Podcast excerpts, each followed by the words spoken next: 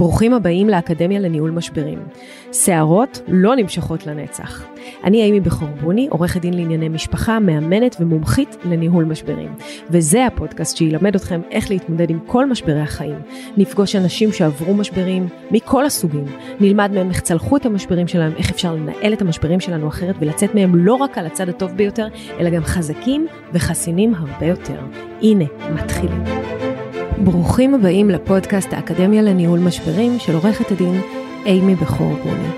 שערות לא נמשכות לנצח, וכאן אנחנו מסבירים לכם איך אפשר לעבור כל משבר שרק קרה לכם, או אולי יקרה לכם, או דאגתם שמא יקרה לכם, או קרה למישהו אחר, איך לעבור אותו. טיפים, אנשים שכבר עברו את המשברים שלכם, אה, ובכלל, כל מה שקשור לאתגרים שבחיים האלה לא מלמדים אותנו איך לצלוח, אנחנו כאן עבורכם. והיום בפרק אה, סיפורי משפחות בשבע דקות. וזה הפרקים הקצרים האלה שאני משתפת אתכם בסיפורים מתוך העולם המשרד שלי. והפעם סיפור על מה שנקרא בתולים, אוקיי? מה קורה כשמתחתנים אה, באמת אה, בתולים? או עם הראשון שלי. אז לא מעט אה, אנשים, וזה יפתיע אתכם, שאנחנו בעידן מאוד מאוד אה, ככה מתירני, אבל לא מעט אנשים עדיין מתחתנים עם החבר הראשון שלהם. וזה בדיוק מה שקרה אה, לאילן. הוא אה, הכיר אה, בחורה, הוא היה בן אה, 17. אה, גם כשהוא התגייס לצבא, הם חשבו שהם ייפרדו, כי הם בטח ישרתו רחוק, אבל רק הגעגועים מילאו את ליבם. ובאמת אה, הם צלחו ככה את השלוש שנים האלה. בסוף השלוש שנים הם החליטו ללמוד ונרשמו לאותה אוניברסיטה, ואז גרו ביחד במעונות, והאהבה פרחה. והנה מגיל אה, כל כך צעיר הם כבר ביחד, והיא כבר הגיעה לגיל 24 ו-5, והתחילה לחשוב על משפחה, והיא אמרה לו, אילן, אנחנו אמנם, אתה יודע, ביחד מנערות, אבל אני ממש רוצה להתחתן, כי אני ממש רוצה ילדים, ואז המשבר כזה, אבל למה לפוצץ? למה להיפרד ממישהי שאני אוהב אותה? רק בגלל שהיא הראשונה שלי. זה מה שהוא אמר לאימא שלו כשהיא הייתה מאוד מאוד מוטרדת מהשאלה איך אתה הולך להתחתן עם האישה היחידה שאי פעם הייתה בחייך. ובסופו של דבר הוא החליט שאי אפשר סתם להיפרד ממישהי רק בגלל שהיא הסקס הראשון שלך ולא ניסית שום דבר אחר, כי אין לו באמת סיבה להיפרד ממנה. הוא מאוד מאוד אוהב אותה, הם חיים ממש טוב ביחד, יש להם תחומי עניין משותפים, ווואלה, יכול להיות שזאת האחת. ולמרות שהוא פגש אותה כשהוא היה מאוד מאוד צעיר, היא האחת. וכך היה.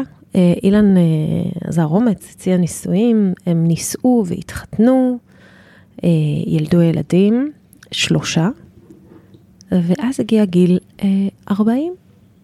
גיל 40 זה גיל ידוע מאוד, 38, 39, 40, 41, כל הסביב גיל 40 הזה, כמחולל משבר רציני מאוד. יש איזה פתאום רטרוספקטיבה כזאת של שנייה, רגע, אני לא מבין, מה, זה, זה המרוץ? כאילו, אוקיי, אישה, ילדים, הנה, אני כאן, אני בעבודה, אני קם בבוקר, אני זה, אני כבר עושה את זה כל כך הרבה שנים, וכבר עשיתי את הילדים שלי, ובניתי את הבית שלי, ואני משלם משכנתה, וכאילו, מה, what's next? עכשיו, גם מערכות יחסים ארוכות, אנחנו יודעים שיש להם שחיקה, ואחרי שאתה עם אותה אישה כל כך הרבה שנים, יותר מ-20, אתה כבר... Uh, הריגוש נגמר, אוקיי, היא חברה נורא נורא טובה, ואני מאוד אוהב אותה, אבל לא, זהו? כאילו, זהו? זה, זה מה שיש? ואז כשנפער הסדק הזה, אם לא יודעים איך לטפל בו, דברים קורים. ואכן אילן אה, לא טיפל בו, הוא הדחיק את הסדק הזה, אבל הוא ככה הלך לעבודה כל יום, ואז פתאום אה, היה איזה פרויקט שהוא היה צריך לנסוע כל הזמן לדרום הארץ לטובת הפרויקט הזה בחברת ההייטק שהוא עבד בה, וצירפו לו אה, לצוות אה, מישהי בתפקיד אה, בכיר, והם היו צריכים לנסוע את הנסיעות האלה ביחד מטעם החברה, ואז הם התחילו לנסוע כל יום ולדבר שלוש שעות בדרך, אה, ואחר כך שלוש שעות בחזרה, ואז גם היה כנס בחו"ל שהם היו צריכים לנסוע, ולאט לאט התפתחה שם אהבה. לא יודעת אם זאת אותה אהבה כמו שהוא אוהב את אשתו, אבל היה שם ריגוש נורא גדול, והיה שם וואו של פעם ראשונה, ובטח של מישהו שאף פעם לא היה עם אישה אחרת, והוא שאל את עצמו אם באמת זהו, ככה הוא יסיים את חייו רק עם אישה אחת, וזה לא היה נראה לו. ואילן היה בחור מהמם, הוא, הוא לא רצה לבגוד. הוא לא רצה לבגוד, זה לא היה בערכים שלו. היא גם באמת הייתה חברה הכי טובה שלו כל כך הרבה שנים, והוא פשוט בא אליה והוא אמר לה, תקשיבי, אני לא מסוגל, אני, יש מישהי ואני כבר מתחיל לפתח רגשות.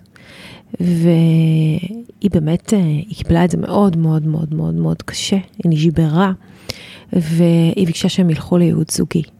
אמ, והיא ביקשה שהוא יעזוב את העבודה, והיא ביקשה שיפטרו אותה שנייה, ומה היא לא ביקשה, וזה לא עבד. אה, אי אפשר היה לפטר אותה, אילן לא רצה להתפטר ולאבד את מקום העבודה שהוא מאוד אהב. הם הלכו לייעוץ זוגי, אבל ייעוץ זוגי כשהלב שלך כבר ככה באקסטזה ממישהי אחרת, זה דבר נורא נורא נורא קשה, כי בעצם מה קורה לנו? אנחנו יושבים בייעוץ זוגי, במקום סיזיפי שצריך לפתוח בו דברים, ובעצם כל מה שבא לנו זה לעשות כיף עם מי שמחכה לנו, שהוא מחכה רק בשביל הכיף. אמ, והוא לא עמד בזה, והוא בגד בה. אבל אז הוא בא הביתה ואמר לה, תקשיבי, בגדתי בך. כאילו הוא אומר לה, זרקי אותי, כי זהו, אין, אני כאילו, אני לא יכול לעשות משהו אחר.